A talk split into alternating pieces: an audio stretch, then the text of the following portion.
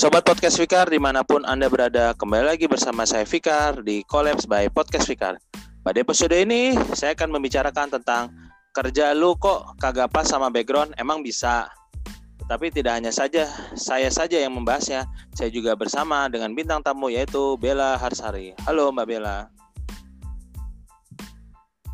Halo Pak, selamat malam. Selamat malam. Bagaimana kabar? Uh, Alhamdulillah baik Pak. Gimana kabarnya Bapak? Ya Alhamdulillah baik. Semoga pandemi ini segera berlalu ya Mbak Bella ya. Iya Pak, udah lebih dari 8 bulan loh ini. Semoga segera usai lah biar semua aktivitasnya normal kembali. Baik, amin. Oke, sebagai informasi Sobat Podcast Fikar, jadi Mbak Bella ini pernah menjadi bintang tamu saya di episode 1 serta episode 17. Yang terakhir itu bersama Mbak Ika ya. Untuk episode 17 ngomongin tentang makanan ya. Siapa tahu aja habis ini lapar gitu. Iya, iya. Oke. Kita Iya. lanjut ya Mbak Bella. Ini topiknya kayak orang Betawi nih. Kerja lo kok kagak pas sama background, emang bisa.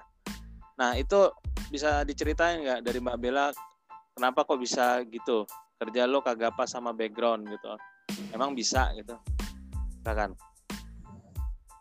Iya, iya. Gini Pak, nyeleneh banget sih. Eh, Oke, Sobat Fikar semua, kenalin aku Bella Harsari. Aku lulusan dari Kebidanan Universitas Muhammadiyah Surabaya, baru lulus sih tahun ini. Kemarin barusan uh, at least lima hari yang lalu lah, seminggu lalu aku barusan wisuda sih Pak. Dan senangnya lagi, uh, setelah aku wisuda langsung hari ketiga aku kerja. Nah, background aku yang seorang bidan ini sangat sekali istilahnya bertolak belakang ya. Sedangkan saat ini saya bekerja sebagai staff telemarketing di uh, perusahaan PT Laprinjaya Gedangan Sidoarjo. Nah, di situ juga saya sebenarnya juga saat melakukan sesi interview mulai dari sesi bersama HR, user, direktur. Pertanyaan pertama yang selalu diajukan kepada saya, loh, Bella, lulusan bidan ya? Emang bisa kerja di sini? Ya wajar sih Pak, aku sih nggak baper ya kalau orang mau bilang seperti itu.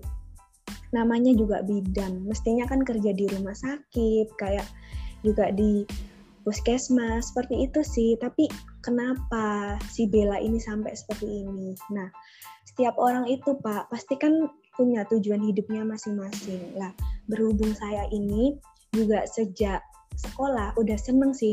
Namanya juga dengan hal yang berbau marketing pak. Seperti itu sih pak. Jadinya dari SD udah sering jualan sampai SMA sering juga ikut olimpiade ekonomi, entrepreneur, terus juga waktu kuliah aku direkrut sama dosen luar aku untuk jadi agen asuransi, Pak. Saya pernah jadi agen asuransi. Agen asuransi ini syariah, namanya boleh nggak sebut merek ini? Yuk, boleh, boleh. Oh iya, uh -uh. mungkin ya cukup terkenal juga. Ya langsung aja sih intinya juga di sana aku selama kurang lebih tiga semester lah belajar marketing. Memang beda banget sih waktu itu aku di bidang jasa sedangkan sekarang ini ada wujudnya barang nah tipsnya ketika kamu emang bener-bener ingin loncat dari background kamu yang sangat berbeda dengan pekerjaan kamu adalah satu, yakin, yakin dan hargai dirimu sendiri. Karena apa? Dengan yakin dan menghargai diri sendiri, kita bisa menggali potensi yang sebenarnya ada. Dan jangan menunggu kesempatan itu ada, tapi buatlah kesempatan itu menjadi ada. Caranya gampang, kamu juga perlu meningkatkan semacam skill kamu, kemampuan kamu, perbanyak relasi, koneksi, apalagi sekarang zamannya media sosial ya. Udah sangat famous banget dengan LinkedIn, Facebook, Instagram. Dari sana kita bisa belajar banyak hal dari orang-orang yang bahkan nggak kita kenal, tapi memiliki keahliannya masing-masing dan mau berbagi. Terus yang kedua adalah buktikan kepada lingkunganmu. Ketika semua orang sekalipun di dunia itu bilang no, you can you can do that. Tapi kamu punya ngotot, Pak. Yang penting itu ngotot. Contohnya tuh seperti ini, Pak. Maaf ya, saya kan anak kesehatan. Aku ibaratin seperti ini, Pak Fikar orang kalau kebelet kebelet kan ya kebelet entah kencing atau pup ya pak ya maaf ya mungkin agak jorok lah orang kalau kebelet pup misalkan ini pak aku mas ngasih contoh. Aku mau boleh tanya pak Fikar nggak? Halo pak. Ya silakan. Misalkan iya. Misalkan pak Pak Fikar ini ceritanya lagi rekreasi ke Taman Safari, terus di Taman Safari itu di perjalanan tol, ini ceritanya lewat tol Pak, macet banget. Udah kamar mandinya itu satu tok, satu tok di sana dan itu antri ada lima orang, sedangkan kita tuh rasanya kebelet untuk pupa. Sorry ya, mungkin agak jorok. Lah, namanya orang orang yang kebelet pasti nggak mau tahu dong. Ayo cepet cepet kayak gitu loh pak. Jadi kita tuh harus kayak maksa orang itu cepetan keluar keluar. Aku tuh butuh lah kayak gitu loh pak. Jadi seperti ini aku tuh ngerasain aku ini kebelet pak kebelet buat sukses maksudku. Kan ada ya kebelet itu entah kebelet nikah kayak gitu loh. Jadi pastinya teman-teman sobat Fikar semuanya kalau kalian emang ngerasa insecure saat ini kalian tuh harus nyiptain peluang dan kalian tuh harus ngerasa kebelet untuk sukses. Intinya fokus sama tujuan kamu itu apa. Dan ketika kamu tahu goal kamu itu apa kalau bisa kalian tulis. Kalau nggak bisa nulis mungkin kamu save di HP handphone atau mungkin uh, kamu bikin semacam apa ya kayak catatan, reminder seperti itu sih. Sehingga kamu itu tiap kali mau nyerah, kamu tiap kali diledek orang halah bidan iso apa, bisa apa maksudku kayak gitu, Pak. Oh ya harusnya kan nyuntik, emang bisa kerja kantoran. Ya dibuktiin dong kayak gitu sih.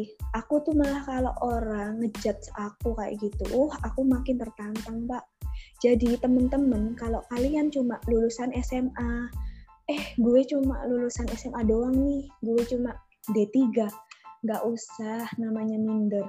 Karena banyak loh orang yang sukses itu seperti Alibaba. Si Alibaba yang punya itu kan Jack Ma ya Pak ya. Dia itu mengalami kegagalan. Bahkan dia itu, aku sempat pernah baca ngelamar kerja di KFC atau McD ya sorry kalau salah mungkin uh, sobat Fikar bisa ngeralat. Itu aja dia itu gagal pak. Kayak macam itu loh. Dia masuk tes Harvard aja juga gagal.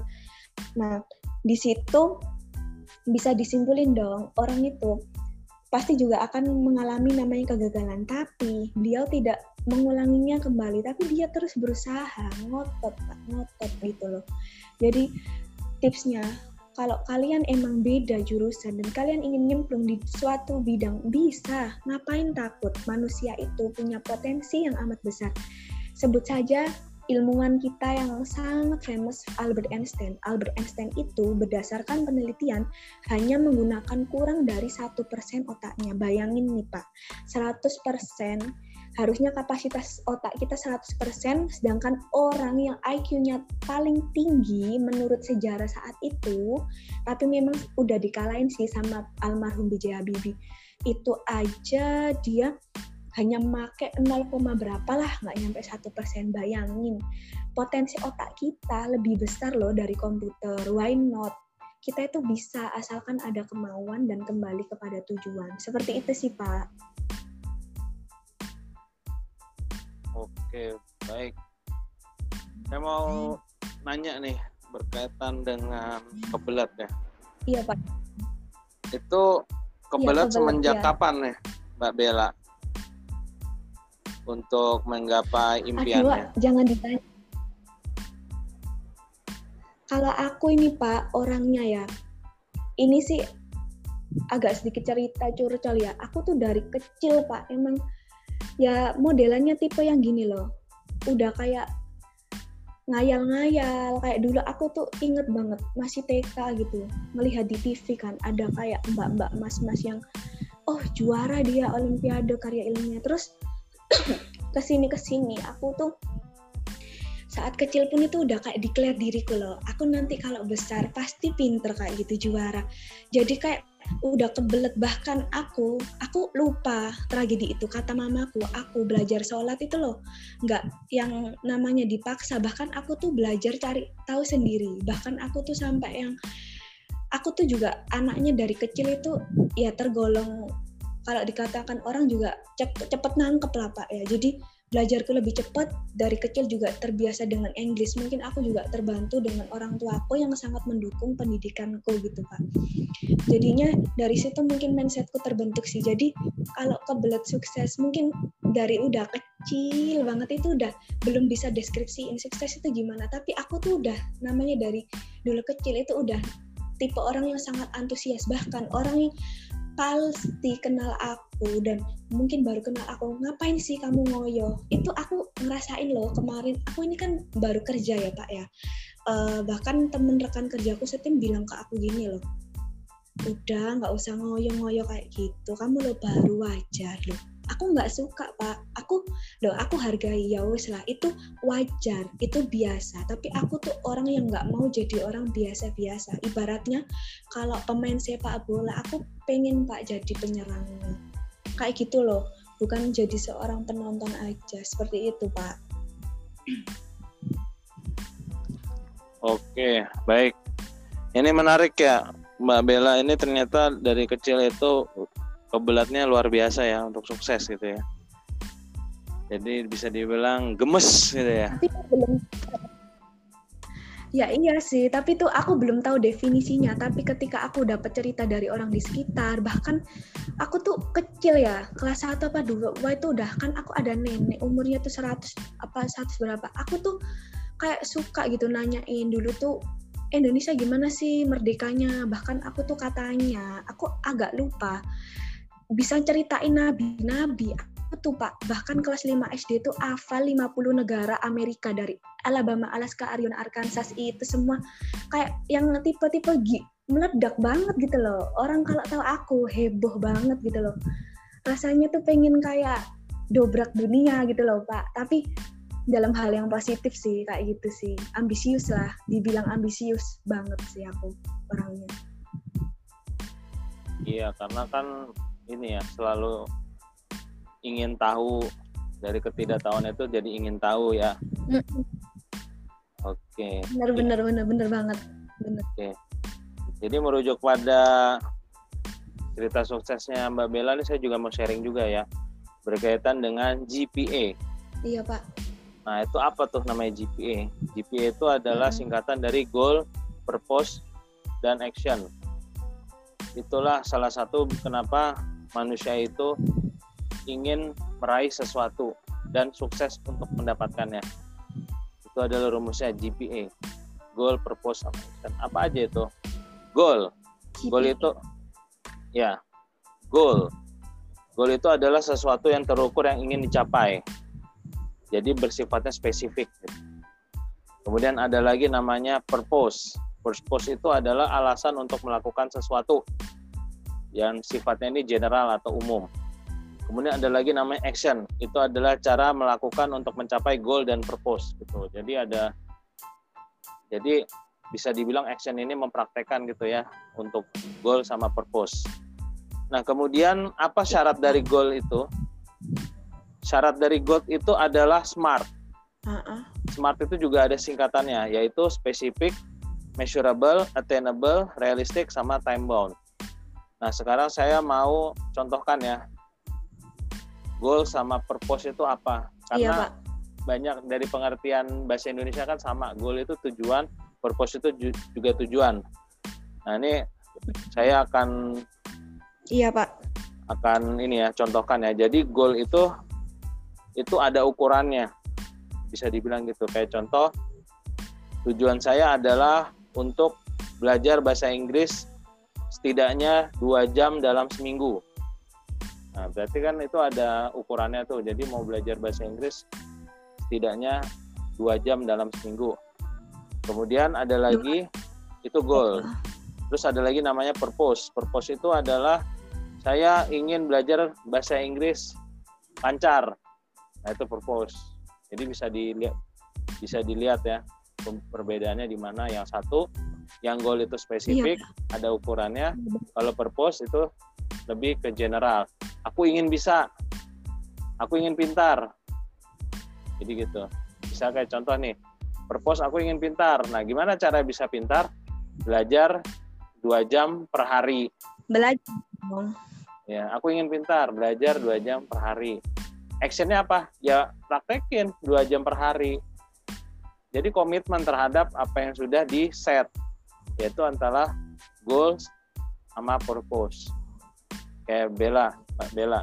Aku ingin sukses. Purpose and ya, iya. Aku ingin sukses gitu kan. iya, mau dong.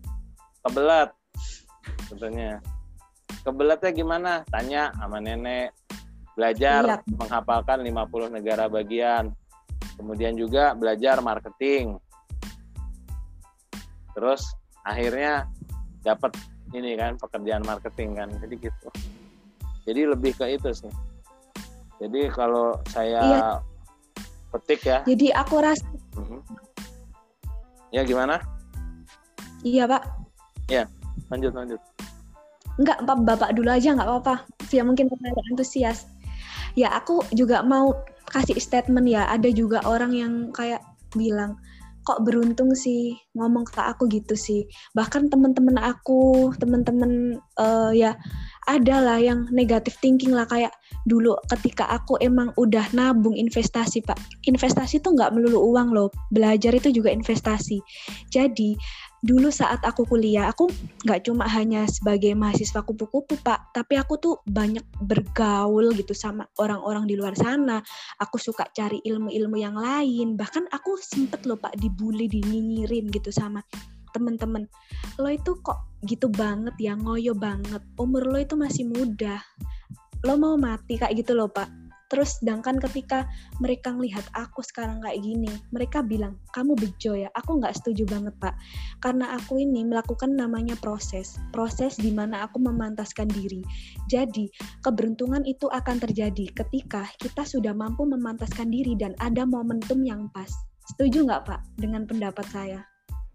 Ya setuju. Itu aja sih pak uh, mau nambahin itu sih. Mungkin dari Pak Fikar, gimana Pak tadi Pak? Maaf tadi saya salah. Mungkin terlalu antusias ya Pak saya Pak, maaf Pak. Ya, jadi kayak gitu sih tadi yang saya sharing ya. GPA, Goal Purpose Action. Goals itu ada sesuatu ya. yang ingin dicapai hmm. tapi ada ukurannya. Purpose itu adalah tujuan tapi lebih ke general. Yang jelas itu sudah menggambarkan tujuan saya seperti ini action itu adalah mempraktekkan. Jadi jadi no saya seperti gini no action talk only. Artinya tidak ada tidak ada pekerjaan tapi ngomong doang. Makanya supaya nggak ngomong baik, jadi ada actionnya hmm, juga. Jangan dong. Uh, Tuh. Ya kan. Terus saya mau contohin iya lagi. Dong. Uh. Percuma dong kalau ilmunya segudang tapi kita nggak praktekin. Jadi sobat Fikar seluruh Indonesia. Kalian itu boleh banget rajin ikut seminar, webinar, banyakin baca buku. Tapi kalau lo cuma baca, banyakin ilmu tanpa ada action, ya benar kata Pak Fikar, omong doang. Please dong, kita ini manusia, ciptaan Tuhan. Begitu banyak sekali berkah dan rahmat yang diberikan. Katanya bersyukur, udah diberi rahmat. Kalau kalian bersyukur, maksimalin dong potensi kalian. Iya nggak, Pak? Iya. Ya, jadi yang itu sih yang suka saya bilang ya ke rekan-rekan saya juga. Jadi pertama, kalau ditanya apakah ya. bisa mengerjakan, hmm. kan banyak tuh. Kamu bisa nggak mengerjakan? Yang pertama hmm. hal yang harus dilakukan itu adalah jujur. Jujur dalam mengatakan sesuatu sesuai dengan kemampuan diri. Pak, saya tidak bisa. Pak, saya belum pernah nyoba. Pak, saya pernah coba tapi saya belum lihat lagi. Jadi ada banyak alternatif jawaban selain kata bisa. Saya bisa pak. Gitu. Tapi kan bisa juga iya. mengatakan saya pernah, tapi saya harus kaji lagi pak. Berikan saya waktu iya. 1 sampai tiga hari. Setelah itu saya akan lapor lagi ke bapak. Kan lebih baik kayak gitu tuh dibandingkan saya bisa tapi nggak ada okay. hubungannya. Iya, yang penting komitmen juga ya Pak ya. Iya nggak sih? Jujur apa adanya, tapi kalau emang nggak bisa, jujur aja. Tapi kita harus siap untuk improve diri kita, untuk ngembangin diri kita. Kurangnya kita apa, terus apa yang bisa kita lakuin. Pokoknya, intinya teman-teman sahabat Fikar di luar sana, kalaupun kalian sekarang masih job seeker, kalaupun kenapa sih CV gue belum dilirik, belum ada panggilan interview juga, jangan pernah sesekali masukin satu aja pikiran negatif. Karena apa? Dengan adanya satu titik celah negatif akan merusak banget mindset kamu ke hal-hal lain. Memberikan kamu worrying yang banyak. Worrying. Eh ketakutan lah istilahnya seperti itu sih pak. Jadi intinya kita itu tetap be positif terus lakuin lah yang bisa kamu lakuin hari itu itu apa lakuin aja nggak pernah jangan sampai banyak mikir aku aja loh yang lulusan diploma tiga bidan aja bisa apalagi kalian Ak- yang aku yakin jauh lebih hebat lah dari aku gitu sih pak Iya. Makanya sebetulnya saya salut sih sama Mbak Bella. Kenapa? Karena Mbak Bella tuh bisa mencari pekerjaan di luar background atau latar belakang pendidikan kan. Karena itu kan jarang-jarang ya. Jadi contohnya bidan ke marketing. Nah terus dia dapat ilmu dari mana? Marketing yang tadi Mbak Bella ceritain pada saat Mbak Bella itu pas SD itu jualan, pas SMA ikut Olimpiade Ekonomi, kemudian pas kuliah juga ikut jadi agent asuransi. Nah di situlah adalah pengalaman-pengalaman yang sudah dialami ya, sudah lama sekali berkaitan dengan marketing. Dan iya itu pak saya pikir itu adalah adalah sesuatu senjata tuh buat bisa kita ngobrol pas saat interview.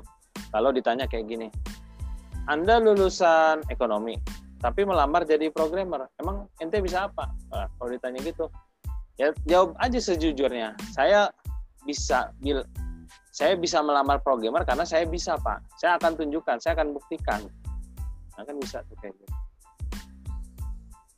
Jadi artinya iya ada alasan betul di sih kemarin aku juga sempat bisa gitu sih ya jadi ada alasan tertentu gitu kenapa orang ini memilih Keberanian.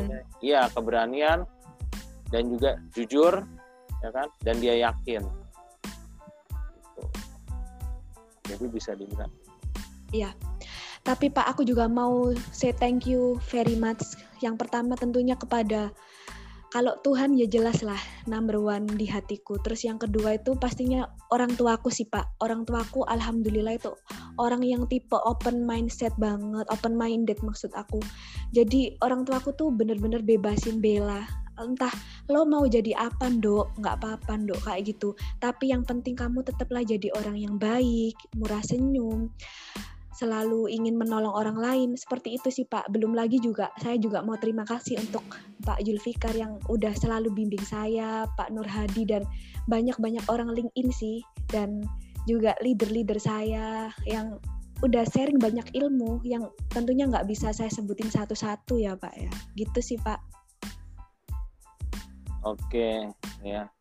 Terus saya mau balik lagi ya dari itu kan tadi Mbak Bella sebutkan Mbak Bella tuh apa lah negara bagian Amerika ya Amerika Serikat ya. pada Iya, zamannya. aku suka ngafalin kayak ibu kota negara. Iya, ibu kota negara apa gitu. Asia Barat tuh pembagiannya apa. Itu aku suka, Pak. Jadi kan kalau diajak ngomong orang nyambung, jadi itulah jadi challenge aku. Aku tuh pengen, Pak, bisa amin aminin ya umur 35 tahun lah keliling dunia, passive income. Lah ini aku masih pengen ngoyo banget, Pak. Pengen kebeletnya lebih dan lebih gitu. Harus bisa ngeluarin energi positif yang banyak. Eman kan masih muda, masih muda bro belum lagi aku masih lajang kan kan belum berkeluarga kan juga banyak lah potensi yang bisa aku kembangin gitu sih pak Iya, benar. Ya, saya juga mau sharing juga ya berkaitan dengan level-level pembelajaran. Itu ada empat level Iya, Pak. pembelajaran sih. Ya, yang pertama adalah itu adalah ini namanya Iya. Tidak tahu dan tidak pernah melakukan. Artinya nggak tahu apa Ada itu kedua dan nggak pernah melakukan. Gitu. Iya. Itu yang pertama. Ya seperti contohnya Oh, oh. kayak bayi itu kan bayi kan dia nggak tahu Oh, cara dia kan nggak sadar ya. Ya kan? Dia nggak tahu dan dia Iya, nggak iya. melakukan. Ya kan bayi juga kan nggak ngerti mau ngapa-ngapain. Nah terus level selanjutnya dalam iya dong, pembelajaran itu adalah tahu tapi Iya. tidak dilakukan. Kayak contoh saya tahu ada orang menjahit. Saya tahu ada orang menyelam. Saya tahu ada orang bisa bawa mobil bisa menyetir. Tapi saya nggak tahu cara melakukannya itu itu adalah tidak tahu tahu tapi tidak melakukan Oke, Terus catat yang catat. ketiga adalah yang ketiga adalah tahu dan melakukan. Jadi artinya dia udah tahu caranya dan dia berlatih dalam melakukannya. Jadi dia tahu cara menjahit dan dia berlatih menjahit supaya sesuai dengan yang diinginkan itu seperti apa. Dia tahu cara menyetir mobil dan dia berlatih supaya dia bisa menyetir mobil sesuai yang dia inginkan. Dia tahu cara menyelam tapi dia ingin tapi dia berlatih supaya dia bisa menyelam sesuai yang dia inginkan. Oke, Iya, Pak. terus yang terakhir Ini, Pak. ini Kalau adalah dari tiga. Oh, ada lagi. ada lagi terakhir ya sebelum Oh, ada Mbak lagi. Ya, terakhir itu adalah tahu dan benar-benar melakukan. Artinya dia ilmu yang sudah dipelajarin, yang sudah dilatih sudah menubuh di tubuhnya dia. Jadi artinya dia nggak harus bingung nih cara menyelam yang benar karena udah terbiasa menyelam. Iya. Dia nggak bingung nih gimana cara menjahit benar karena udah biasa menjahit yang benar. Dia udah bisa menyetir mobil nih, tapi dia nggak peduli gimana cara nyetir yang benar karena udah biasa nyetir yang benar.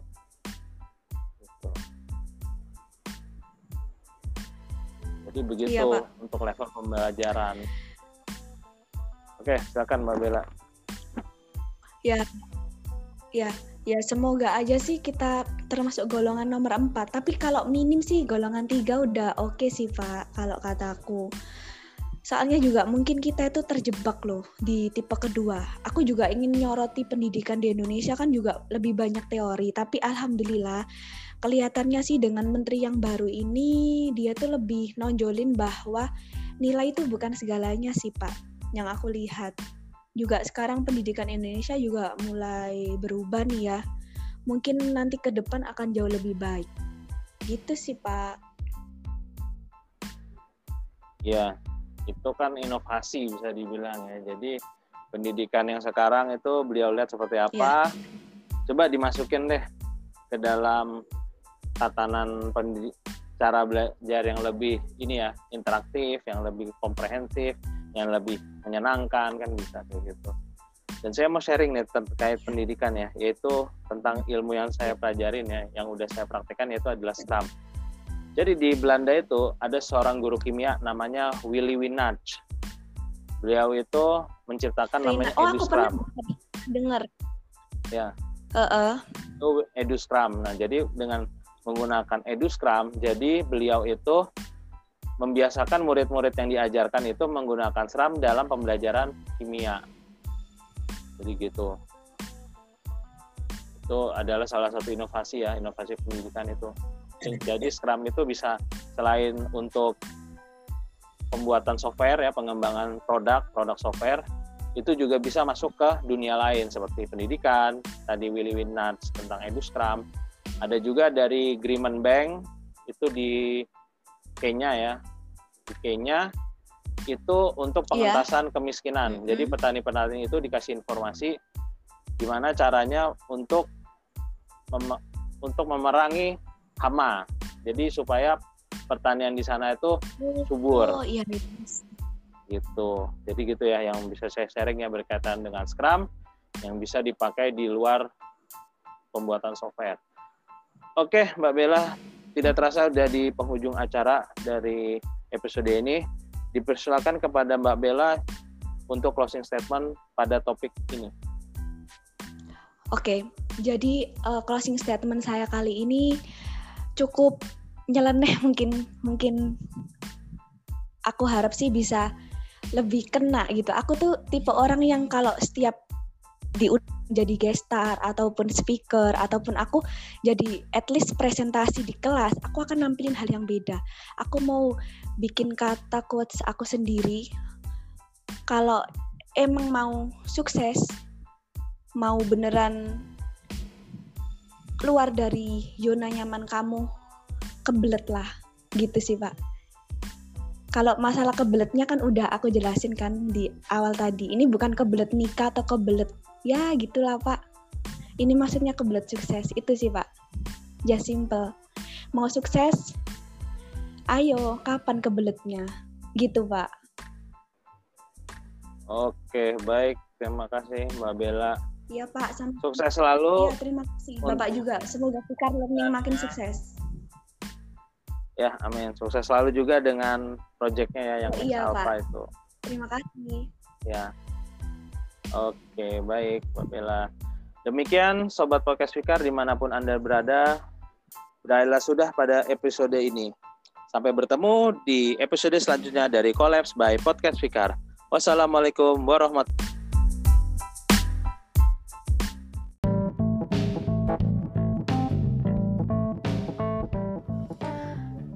Assalamualaikum warahmatullahi wabarakatuh. Halo rekan-rekan semua. Balik lagi nih sama podcastnya Mbak Bel. Think out of the box with Mbak Bel. Oke, di episode pertama ini Mbak Bel. Ingin intro nih, siapa nih Mbak Bel? Oke, perkenalkan Nama lengkap aku Bella Harsari. Bisa dipanggil Mbak Bel kalau kalian masih kurang puas boleh banget dipanggil Bella boleh BB boleh. Karena emang aku orangnya juga easy going ya guys. Terserah kalian sesuka kalian mau panggil aku apa oke. Okay. aku adalah seorang content creator di mana background pendidikan aku sungguh berbeda sekali. Sangat paradoks aku lulusan kebidanan Universitas Muhammadiyah Surabaya tahun 2020 Guys, aku sendiri adalah seseorang yang sangat suka sekali dengan berbagi isu nih. Aku sendiri orang yang sangat kepo, memiliki rasa ingin tahu yang tinggi, dan aku pun sangat suka untuk bergaul, berteman, dan siapa pun yang pasti kenal sama Mbak Bel, uh, pasti akan cepet banget untuk kenal deket gitu. Nah, aku pun adalah orang yang sangat suka berjiwa petualang. Jadi kalau temen-temen gitu ngajakin yuk kita hangout gitu terlebih kalau ke alam-alam gitu sangat suka banget gitu karena aku sendiri adalah art enthusiast, sales enthusiast dan juga aku adalah seseorang yang sangat suka sekali dengan hal berkaitan public relation. Nah, untuk spesialisasinya dan spesifikasinya podcastnya Mbak Bel ini aku sih uh, umum ya, jadi terserah nanti ke depan kalau temen-temen ada yang mau ngajak collabs gitu aku akan mau dan karena emang aku sendiri sangat welcome buat ilmu-ilmu yang baru dan sangat ingin belajar. Nah uh, berbicara tentang belajar. Jadi di intro ini aku ingin ngajakin temen-temen semua buat semangat belajar. Karena kita biarpun kita milenial kolonial punya kita tuh harus punya banget semangat yang tinggi untuk belajar. Karena belajar itu adalah gerbang gerbang kita untuk meraih semua impian. Tanpa belajar aku yakin kalaupun otak kamu punya IQ tinggi sekali tanpanya ad, tanpa adanya kerja keras gak akan mungkin guys semua itu kecapai. Sekian guys episode pertama aku. Jangan lupa stay tune di episode-episode selanjutnya yang pasti bakalan setiap hari beri kejutan, keunikan sendiri yang akan bikin sensasi semangat kamu, adrenalin kamu, wow. Oke gitu dulu ya guys. Wassalamualaikum warahmatullahi wabarakatuh.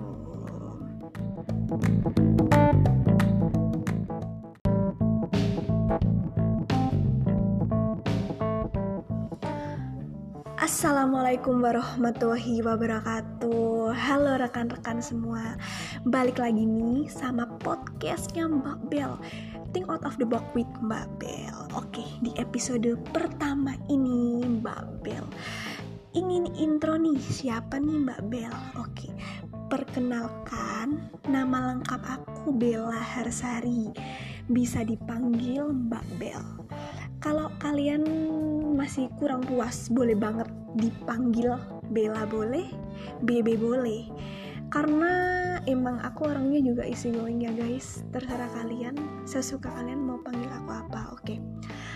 aku adalah seorang konten kreator di mana background pendidikan aku sungguh berbeda sekali.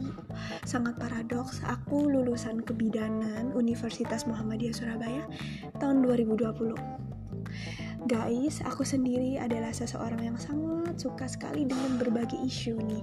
Aku sendiri orang yang sangat kepo, memiliki rasa ingin tahu yang tinggi, dan aku pun sangat suka untuk bergaul, berteman, dan siapa pun yang pasti kenal sama Mbak Bel, uh, pasti akan cepet banget untuk kenal deket gitu. Nah, aku pun adalah orang yang sangat suka berjiwa petualang. Jadi kalau temen-temen gitu ngajakin yuk kita hangout gitu. Terlebih kalau ke alam-alam gitu sangat suka banget gitu. Karena aku sendiri adalah art enthusiast, sales enthusiast. Dan juga aku adalah seseorang yang sangat suka sekali dengan hal berkaitan public relation. Nah, untuk spesialis spesifikasinya dan spesifikasinya podcastnya Mbak Bel ini aku sih uh, umum ya jadi terserah nanti ke depan kalau temen-temen ada yang mau ngajak collabs gitu aku akan mau dan karena emang aku sendiri sangat welcome buat ilmu-ilmu yang baru dan sangat ingin belajar. Nah uh, berbicara tentang belajar. Jadi di intro ini aku ingin ngajakin temen-temen semua buat semangat belajar. Karena kita biarpun kita milenial kolonial punya kita tuh harus punya banget semangat yang tinggi untuk belajar karena belajar itu adalah gerbang gerbang kita untuk meraih semua impian tanpa belajar aku yakin kalaupun otak kamu punya IQ tinggi sekali tanpanya ad, tanpa adanya kerja keras gak akan mungkin guys semua itu kecapai Sekian guys episode pertama aku. Jangan lupa stay tune di episode-episode selanjutnya yang pasti bakalan setiap hari beri kejutan, keunikan sendiri yang akan bikin sensasi semangat kamu, adrenalin kamu, wow. Oke gitu dulu ya guys. Wassalamualaikum warahmatullahi wabarakatuh.